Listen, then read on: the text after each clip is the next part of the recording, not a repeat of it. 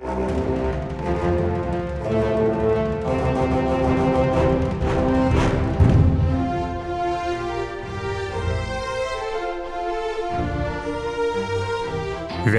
til Frankrike forklart, en podkast der du får svar på alt du lurer på om Frankrike. Mitt navn er Geir Uvsløk. Og jeg heter Kjerstin Aukrust.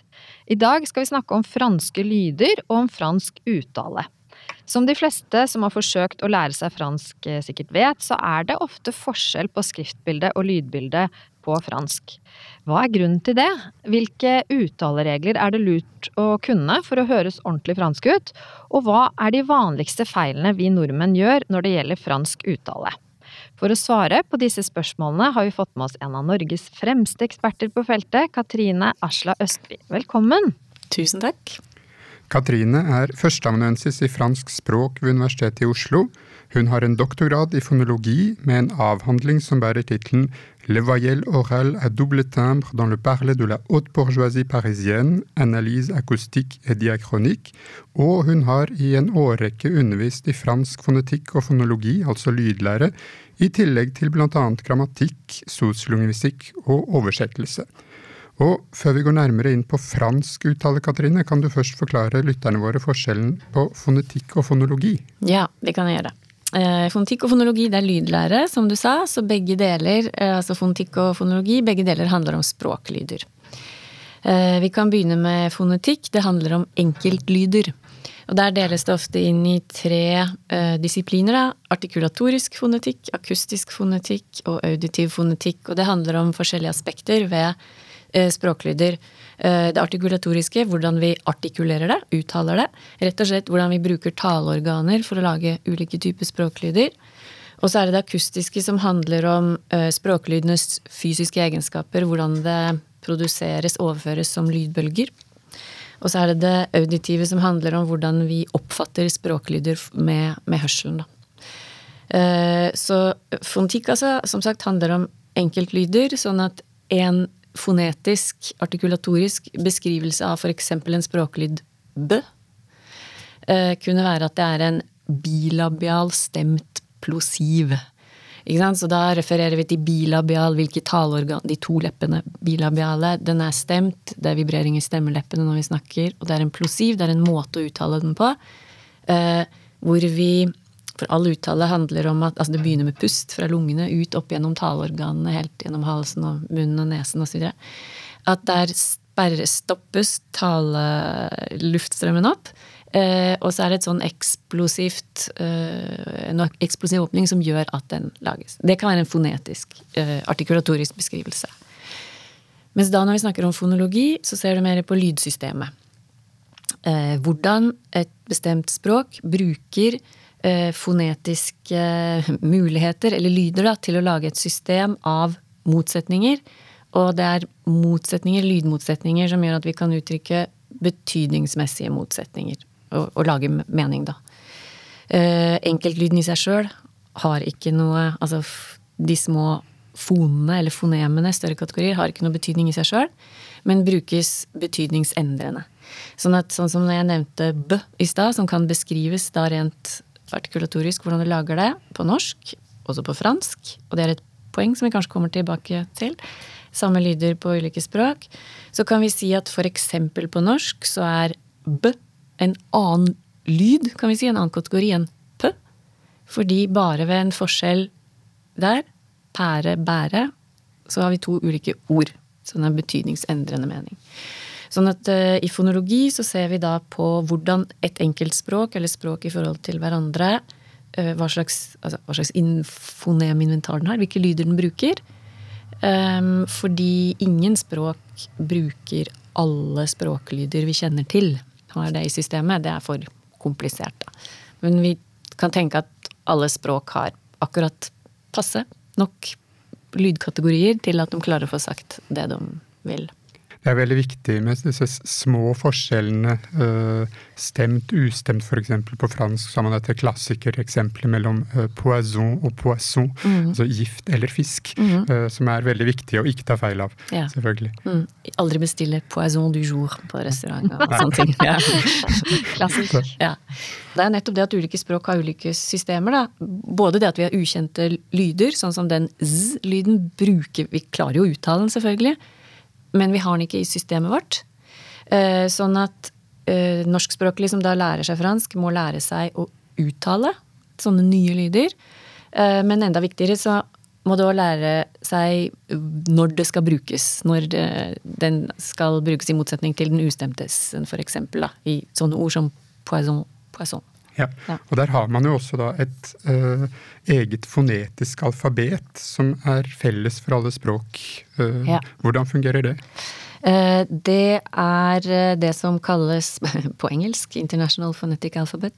Det ble utarbeida for ca. 100 år siden. Da var det en forening som etter hvert ble het International Phonetic Association. Den ble grunnlagt i 1886 med en franskmann i spissen som het Paul Passy. Eh, og det var britiske og franske språklærere eh, som satte i gang med det her av pedagogiske hensyn. Det var for å kunne gjengi eh, uttale mer presist enn det en gjør med vanlig rettskriving. Fordi, som dere vet, som alle som har prøvd å lære seg fransk vet, og hvis alle tenker seg godt om, så er det det samme i norsk, at det er et visst misforhold mellom skriftbilde og lydbilde, da. Men altså, for å kunne gjengi uh, uttale nøyaktig, så uh, lagde de da det her fonetiske alfabetet som har, består av et visst antall tegn, sånn som det latinske alfabetet som vi bruker til å skrive med. Og tegna i det fonetiske alfabetet det er jo stort sett latinske og greske bokstaver. Men så er det sånn at eh, hvert symbol har en helt bestemt verdi, altså lydverdi, uavhengig av hvilket språk du snakker om. Eh, sånn at f.eks. symbolet som vi kjenner som S, bokstaven S, uttales alltid S i, eh, når det er snakk om fonetisk transkribering. Eh, og dermed så kan du gjengi noe veldig presist. Og det er da i motsetning til vanlig rettskriving. For hvis du tenker på bokstaven, bokstaven altså, S i norsk, så har den jo mange uttaler. Hvis du tenker på to verb som å se, slå, to ulike uttaler. Det kan, være, eh, kan synes upresist. På fransk så har du den også i soir, bis, men også i det ordet poisson, poison. Så er det S begge steder. Så øh, det fonetiske alfabetet er da en mye mer øh, presis måte å, å, gjengi lyd på. Det kan òg brukes mer eller mindre detaljert for å gjengi lyd. Og et hovedpoeng er nettopp, som jeg vel sa, at det kan brukes på et hvilket som helst språk. Sånn at du lærer deg det, eh, og kan faktisk, da, hvis du kan det, uttale et eller annet på et språk du ikke kan i det hele tatt. Mm. Um, og uh, for folk som er vant til å bruke ordbøker, franske f.eks., så står det ofte i ordbøker etter oppslagsordet, så står det i hakeparenteser uh, det vi kaller lydskrift. Uh, sånn at den får en nøyaktig uttale. Veldig praktisk. Mm -hmm. Eh, og som vi allerede har vært inne på nå flere ganger, så er jo noe av det som kjennetegner fransk uttale, at det er ofte en viss forskjell da mellom hvordan et ord skrives og hvordan det uttales. Og som et eksempel så har vel de fleste lagt merke til at konsonanter på slutten av ord ofte ikke mhm. uttales da på fransk. Kan du si noe om hvorfor det er sånn? Ja. Um, det her med stumme konsonanter, da skal jeg skal jeg begynne med en liten sånn vits som jeg pleier å ta til studentene? Om eh, nordmannen som forsvant i Frankrike. Det var herr Høst som skulle til Frankrike, og så kom han dit, og så er det sånn at H i begynnelsen av ord på fransk uttales ikke, Ø-bokstaven finnes ikke, S og T i slutten av ordet er stumme, så han ble bare borte.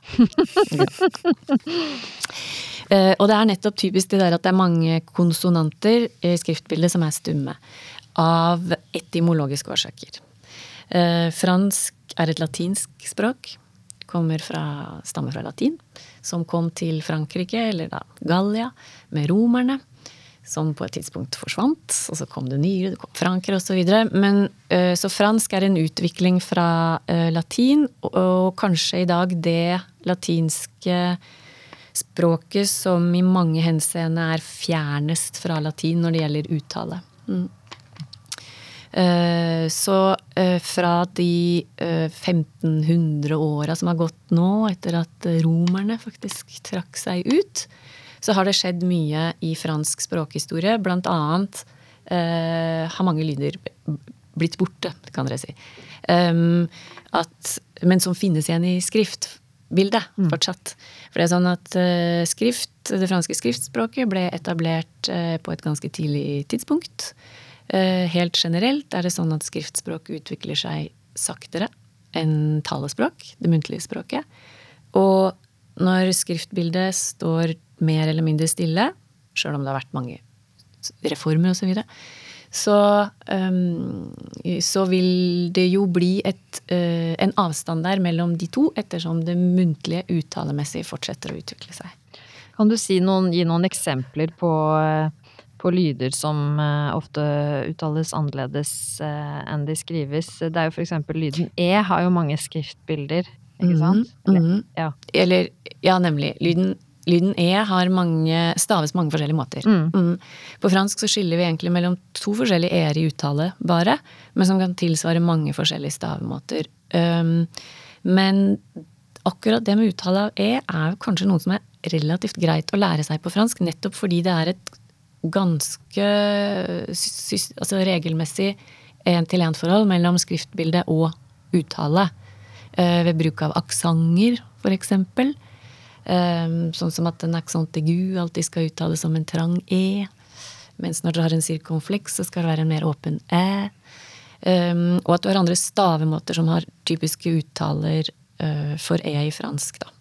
Så uh, når det gjelder variasjon i e-lyder, så er det jo uh, Så ser vi det godt i verbbøyning, f.eks. Hvis du tar et ord som parler, å snakke, infinitiven, det staves med er til slutt, og det uttales da som en sånn trang eller såkalt halluka e, parler. Uh, og så kan du, bøyer du den i person osv., og, så videre, og så sier du je parle. Der kan vi jo legge merke til at det faktisk er en e som ikke uttales engang. Det staves jo parler, eller p-a-r-l-e. Uh, og så kommer vi ned til andre person. Parler, vous parler. Uh, samme uttale, men der staves den en e-z. Og hvis vi bøyer de fortidsformer, så har vi je parle, altså eh, imperfektumsformen, med en a i endelse. Eh, og en s og en t og forskjellige personendelser der. Som da, i hvert fall etter normen, men det er litt endring på gang i dagens fransk, som uttales som en halvåpen e. Je parle. Sånn forskjell på e, e osv. Men det der er lett å lære seg i forhold til stavemåter. For de har ulike stavemåter akkurat for e. Så det er egentlig ikke det største problemet for språkinnlærere av fransk. Og, men uh, så, sånn mer generelt, hvis vi tenker på uh, nyttige uttaleregler Hvis vi nå tar et lite sånn krasjkurs i ja. uh, fransk uttale, ja. hvilke er de viktigste reglene eller tipsene man bør kunne for å høres fransk ut? Uh, når det gjelder lyder, så kan vi kan si noen konsonanter, da. Stumme konsonanter i slutten av ord, f.eks. Så er det ofte sånn at nettopp konsonanter i slutten av ord på fransk uttales ikke. Eh, en tommelfingerregel som vi bruker når vi lærer bort fransk, er at det er et lite unntak for de konsonantene som er i det engelske ordet 'careful'. Altså CRFL, som ofte uttales. Sånn som i avec, eh, for eksempel, med C på slutten. Mer Eh, hav, altså, MER. Mens konsonanter på slutten av ord er ofte stumme. Men det mange nordmenn, blant andre, kanskje gjør da, er at hver gang de ser en konsonant sånn på slutten, eller sånn nesten slutten av et ord, så kutter de ut det òg. Sånn som i pommes frites, bearnés osv. Som skal, egentlig skal uttales? Ja, altså, jeg uttaler det på norsk pommes frites, bearnés, fordi det ligger opp til den franske uttalen. Mm. For da har du en konsonant i slutten av ordet, men du har en vokal etterpå, så da så man må ikke være overivrig når man ja. kutter disse ja. konsonantene.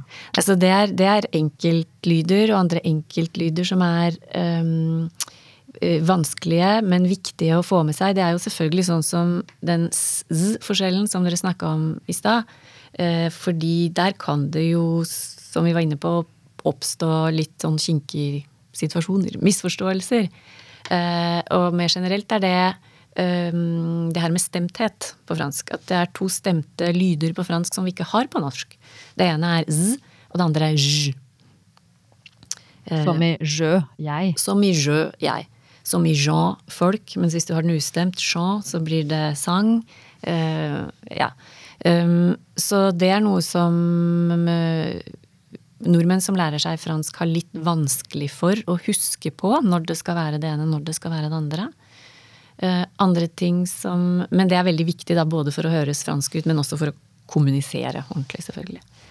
Andre ting som er litt vanskelig, er selvfølgelig skarre-r, som ikke har det i sin egen norske dialekt.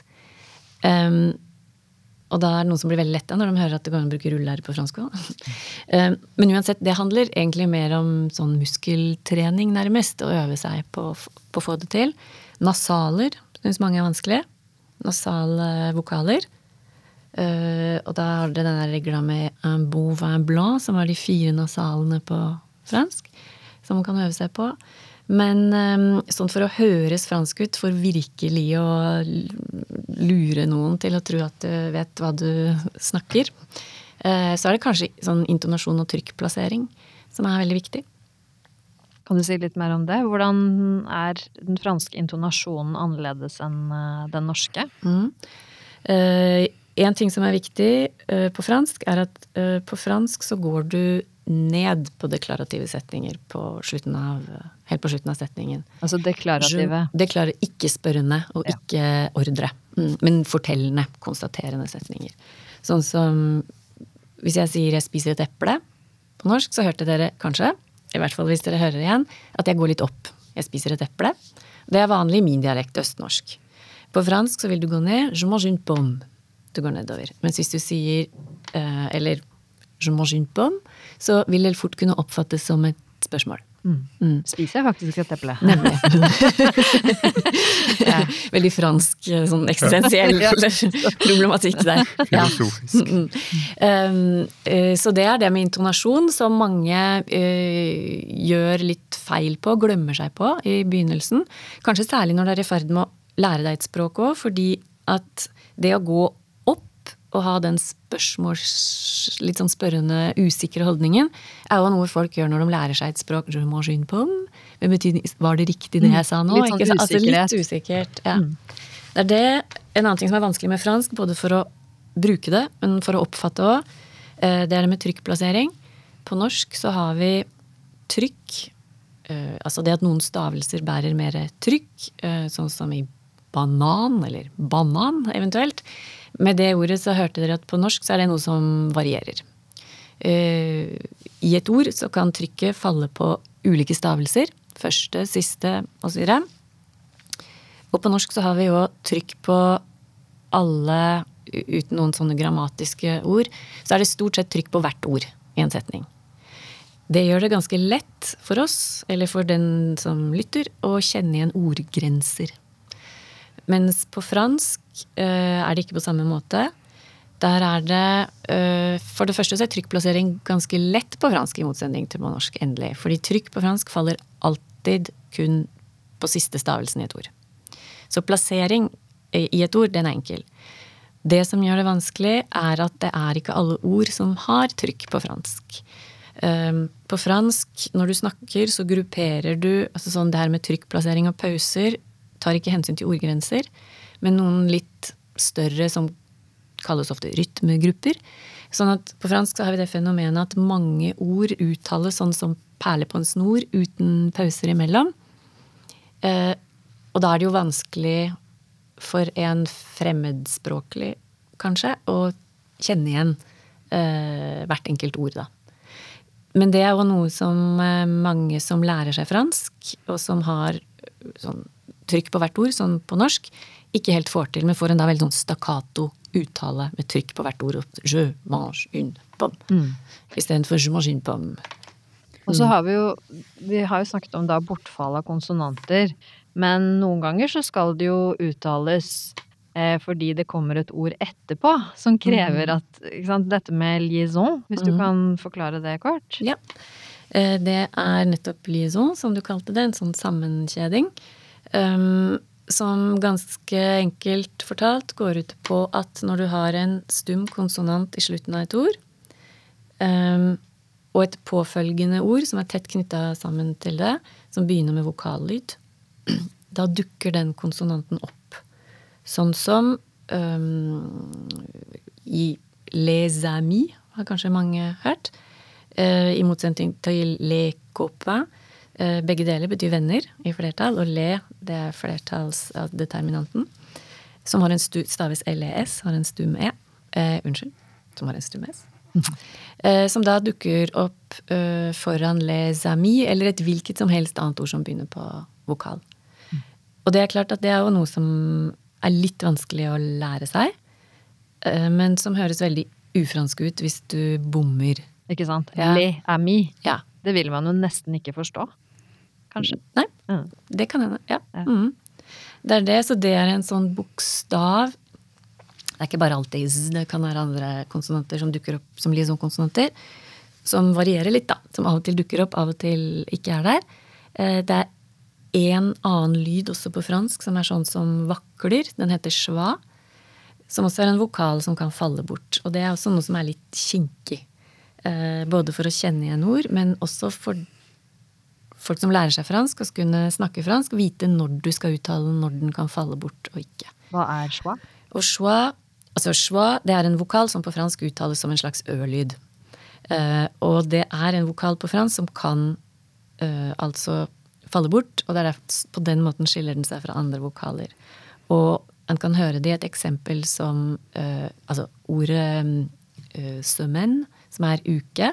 Den første ø-lyden der er en sånn schwa, så man kan si un, vi sier unsømen, semaine, la semaine, men det samme ordet kan også uttales smen, la-smen.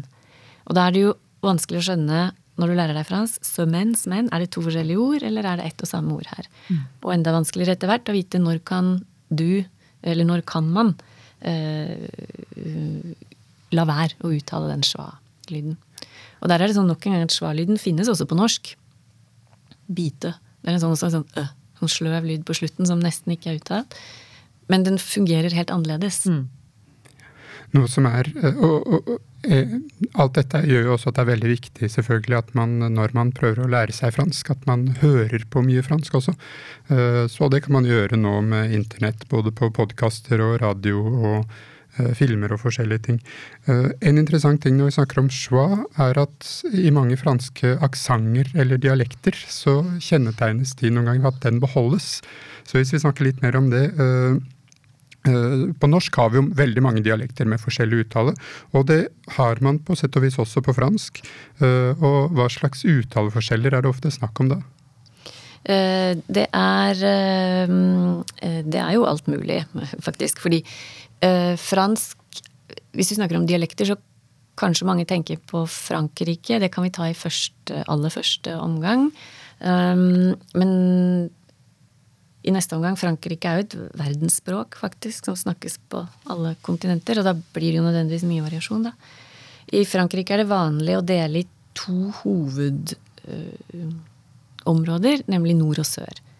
Som ofte kalles français du nord, nordfransk, français du midi, som, eller meridional, altså middelhavsfransken, som er den, den uh, sørlige halvdelen cirka av Frankrike, da.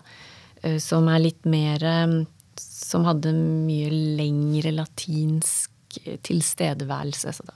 Det er en av hovedgrunnene til hvordan, hvorfor det har utvikla seg litt ulikt. Um, og uh, det er vel også en dialektforskjell, sånn nord-sør, som til og med franskmenn flest klarer å kjenne igjen. Uh, det er noen undersøkelser som viser at um, franskmenn kanskje ikke er veldig vant til å høre mye dialektforskjell. Ikke veldig gode til å plassere det i Frankrike, f.eks. Um, men, men ofte har litt sånn emosjoner knytta til det, og syns den sørfranske dialekta f.eks. er veldig sånn solfylt og hyggelig og syngende og koselig. um, og det går mye på um, vokallyder, og blant annet den herre svan og ikke. Eksempel i sørfranske dialekter så uttaler du mange svaer Det vil si, det er det vi kan kalle stumme e-er òg, fordi vi finner det som e-er i skriftbildet, men som ikke uttales. Eh, som du ikke gjør i, i Nord-Frankrike. Gjerne på slutten av ord, eksempel uh, une belle journée. Ikke sant? Istedenfor une belle journée, uh, som du ville ha i nordfransk. Og der, der, er det også ofte, i hvert fall enkelte steder, noen litt annerledes måter å uttale nasale lyder på òg. Og det er det også. Sånn at da kanskje du ville ha meteng Sånn, Istedenfor å ha den nasale vokalen, så uttaler du faktisk den nasale konsonanten meteng og sånt noe. Mm. mm. Som vi for øvrig har i mange franske låneord. Grateng, presang. Der har vi òg, som ikke har nasaler eh, i norsk, løst det litt på samme måte, da. Ja, mm. Ved at vi beholder ja. Um, og så ja, ruller kan du høre rundt omkring også. Hvor da?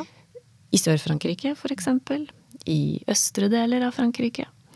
I østre, særlig nordlige deler av Frankrike, så kan du òg ha litt um, altså tap av stemthet, jf. det vi snakka om poison, poisson, på noe. At du ofte har en ustemt sj-lyd. Um, der hvor du i såkalt standardfransk eller ja, referansefransk vil ha en j-stemt en. Så det, det, er egentlig ganske store dialektale forskjeller i, i Frankrike òg. Samtidig som det er en, når det gjelder uttale, en um, lang tradisjon for, da. Historie for en ganske normativt uh, syn på uttale. Ja, du, du, nevnte også at uh, fransk er et verdensspråk. Mm -hmm. Så er det noen uh, Uh, typiske forskjeller i uttale her. Det snakker jo også i uh, flere land i Afrika, i Quebec, i Canada. Mm. Det, er det er et verdensspråk, så det snakkes så klart i flere språk i Europa. Ikke minst Belgia og Sveits. Og i Canada, altså i Quebec, ja. Uh, og i, har, det er jo steder hvor fransk har vært snakka lenge. så Quebec-fransk, for eksempel, er um, Noen liker å si at det har en litt sånn arkaisk uh, uttale. Og det har i hvert fall utvikla seg lenge nå uh, på sin helt egen måte, da. Ganske langt fra uh, europeisk fransk. Og Quebec-fransk har et ganske komplisert vokalsystem. Mm. Ja, konsonantsystem, for så vidt også. Ja. og noen trekk som du kjenner igjen fra tidligere uttaler i, i Frankrike, da. Eh, mens i f.eks. Afrika så er rødt fransk et mye nyere språk. Det kommer kolonisering. Eh, og eh, der møtte det òg lokale språk, i motsetning til ofte i Quebec, hvor det var franskmenn som dro ut og bosatte seg. Sånn at i Afrika har det da vært Så er det mye mer påvirkning fra lokale språk også over på, det, på den fransken som har utvikla seg der. Eh, noe du blant annet Du kan høre det på lydsystemet, men særlig intonasjon, for eksempel, er òg eh, typisk eh, karakteristisk og annerledes i mange afrikanske franskvarianter mm. enn Frankrike-fransk, da. Du nevnte så vidt uh, dette med standardfransk, eller referansefransk, som jeg skjønner er det, det mer korrekte begrepet. Altså parisfransk, uh, kan man kanskje si, som er den fransken vi underviser i både da her i Norge og, og i Frankrike. Mm. Og, og, den har vel også kanskje noen, noen særheter uh, uttalemessig. Personlig så har jeg ofte hengt meg opp i at parisiske venner har en tendens til å si denne schwan ganske mye. Sånn oui, uh, ça va, liksom. Og, og, jeg hørte på radio i dag morges uh, en sånn veldig sært For eksempel når man sier ordet oui, så mm. blir det ofte wish ikke sant, mm. på slutten. Og så var det noen på radio i dag som sa Montpellier, mm. altså om byen Montpellier, som mm. får en sånn sj på slutten. Kan du si noe om det? Ja. Eh, det er morsomt at du nevner de eksemplene, for det er typiske eksempler som ikke hører til den uttalenormen som undervises, da. Mm.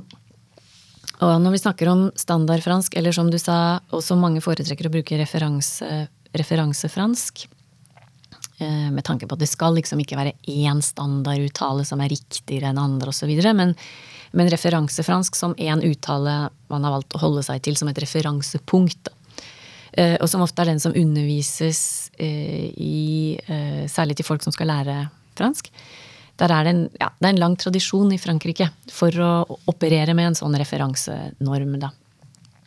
Som ofte, øh, som alltid har vært sånn rundt i Paris-området. Helt fra det var det gamle hoffet som holdt til, Ile de France rundt der. Øh, og nå i nyere tider øh, en sånn slags kulturell og sosiokulturell, sosioøkonomisk ganske velstående befolkningsgruppe eh, som snakker, tenker man seg, på en ganske lik måte, da. Eh, det er jo veldig nyttig å ha et, et sånn referansepunkt når du skal uttale, eh, undervise i uttale til eh, folk som skal lære seg et eh, språk. Um, men den um, De der eksemplene som du kom med, wish og bonjour, og, er mer en veldig tydelig utvikling i dag, som vi hører mye, men som i hvert fall ikke foreløpig har blitt tatt inn i den eh, referansenormen, da. Men øh, det er noe som jeg har hørt folk Eller det der med den ø-en, svan, på slutten av ord, hvor den i utgangspunktet ikke finnes engang, sånn som i we. For eksempel oui, bonjour. Der finnes den ikke i utgangspunktet. Den svan kommer fra en latinsk A på et tidspunkt som har utvikla seg videre, og som vi nå finner igjen som en sånn skriftlig rest, stum E. Eh, men dere vet at jour staves j-o-u-r uten e, osv. Så, videre. så poenget er at det der nye fenomenet, det er en schwa som dukker opp på nye steder, på en måte. Og som øh, mange oppfatter som, altså franske språkbrukere, som en eh, sånn urban, ungdommelig øh, måte å snakke på. Et språktrekk. Så mer kanskje noe dialektalt, noe litt sånn sosio... En slags Ja, sosiolingvistisk er det jo veldig spennende. Mm. Så bra. Ja. Og det uh, samme med denne Wish. Så da kan vi altså si at uh, unge parisere i dag de snakker ikke helt referansefransken, de heller. Uh, men på mm. slutten av vår episode så ber vi gjesten vår å komme med en fransk anbefaling. Og hva er anbefalingen din til lytterne våre, Katrine? Eh, jo, jeg hadde tenkt eh, å anbefale en filmskaper, ja, som heter Agnes Varda. Eh, belgisk født, eh, riktignok, men mm, eh, som eh, var en del av den franske nybølgebevegelsen. Eh, som lagde ganske sånn dokumentariske filmer, rene dokumentarer, rett og slett òg, da. Um, og jeg kom på det Jeg liker Anja Svada sine filmer veldig godt, men jeg kom på det nå fordi i helga som gikk, så har det nettopp vært en visning av en av mine favorittfilmer som heter Samlerne på norsk, eller Glenør eller Glenøs. Um, men uh, det var nå i helga, og den har jo gått, som sagt. Men det finnes en sånn strømmetjeneste som heter Mubi, hvor alle som ikke har sett noen Agnes Svada filmer kan gå og se det mye annet på den strømmetjenesten, og fransk. og det, det ja, Fin måte å lære seg fransk på også. Men uh, Agnès Varda sin, uh, sin, filmproduksjon altså, har jeg lyst til å anbefale. Ja, Veldig bra anbefaling. Kjerstin, har du også en anbefaling? Ja, det har jeg. Jeg vil gjerne anbefale den siste boka til eh, den franske forfatteren Edouard Louis. Jeg har anbefalt hans bøker tidligere her. Den siste heter Changer méthode, forandre seg metode. Og den utkommer i norsk utgave i november oversatt av Egil Halmøy. Mange mener at det er Louise' beste bok eh, så langt, og jeg er nettopp ferdig med den selv og kan eh, bekrefte at det er en skikkelig page-turner. Og i den anledning vil jeg også nevne at Litteraturhuset i Oslo arrangerer et tre dagers langt symposium om og med Edouard Louis fra 18. til 20. november. Og der vil temaer som makt og vold, sorg og tap, homofobi og frigjøring, som står sentralt i forfatterskapet til Louis, bli tatt opp, og det tror jeg blir en stor opplevelse for alle som er interessert i fransk litteratur. Tusen takk, Kjerstin. Vi, vi, kan jo også nevne at eh, Egil Halmøy er en uh, svært dyktig oversetter, uh, så oversettelsen blir nok absolutt også veldig interessant å lese. Da gjenstår det bare å takke vår gjest Katrine Asla Østby, så høres vi igjen i neste episode av Frankrike forklart. Au revoir! Frankrike forklart er et samarbeid mellom Universitetet i Oslo og Høgskolen i Østfold. Podkasten er støttet av Det norske universitetssenteret i Paris og Institut Français i Oslo og har full redaksjonell frihet. Abonner på Frankrike forklart på iTunes, Spotify eller på andre plattformer der du lytter til podkast. Har du kommentarer til oss eller forslag til temaer vi bør ta opp, kan du sende inn det via vår Facebook-side Frankrike forklart. Alle dagens referanser ligger på denne Facebook-siden og på nettsiden vår. Vi skriver en kronikk i forbindelse med hver episode som belyser dagens tema fra en litt annen vinkel. Kronikken finner dere på forskning.no, Transitmagasin og på nettsiden vår.